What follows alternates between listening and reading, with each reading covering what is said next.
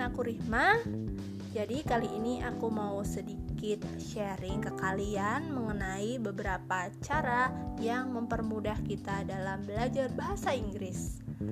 Nah, kalau dulu nih kita belajar atau mencari arti dari kamus yang super tebal.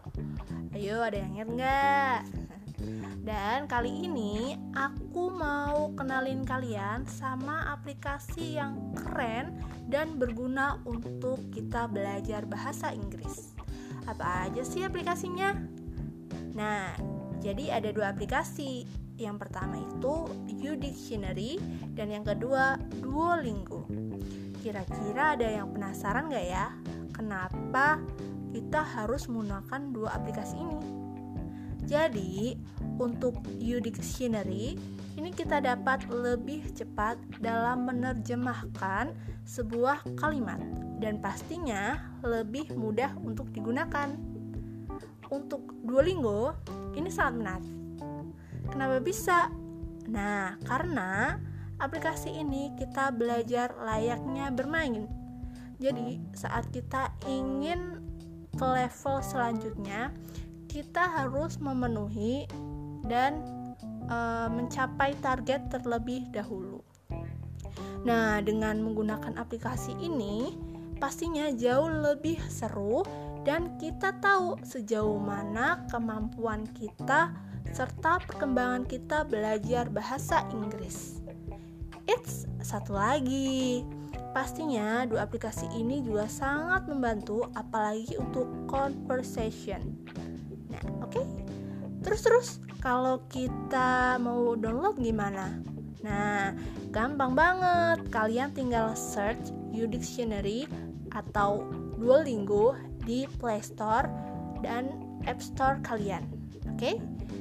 Cara menggunanya juga mudah kok dengan mengikuti langkah-langkah yang ada. Jadi guys, kalian harus download karena itu membantu kita belajar lebih mudah. Oke? Okay? Selanjutnya, aku mau bahas tentang audiobooks. Audiobooks apa sih? Nah, jadi seperti kita menonton film uh, yang ada subtitlenya.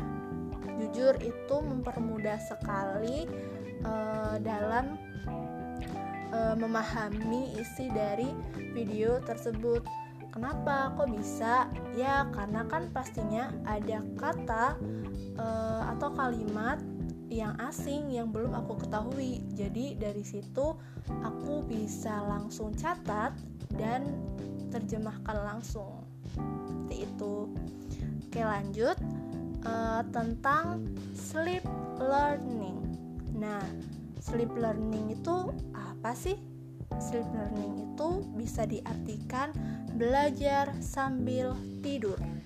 Yang mana ini diharapkan dengan cara ini dapat memperkuat memori kita.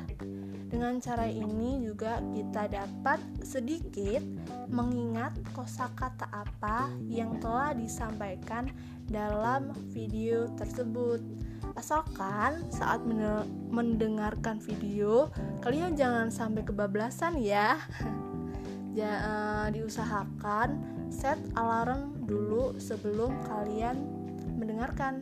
Oke, okay. mungkin itu dulu yang bisa aku sampaikan. Kurang lebihnya mohon dimaafkan ya teman-teman. Terima kasih.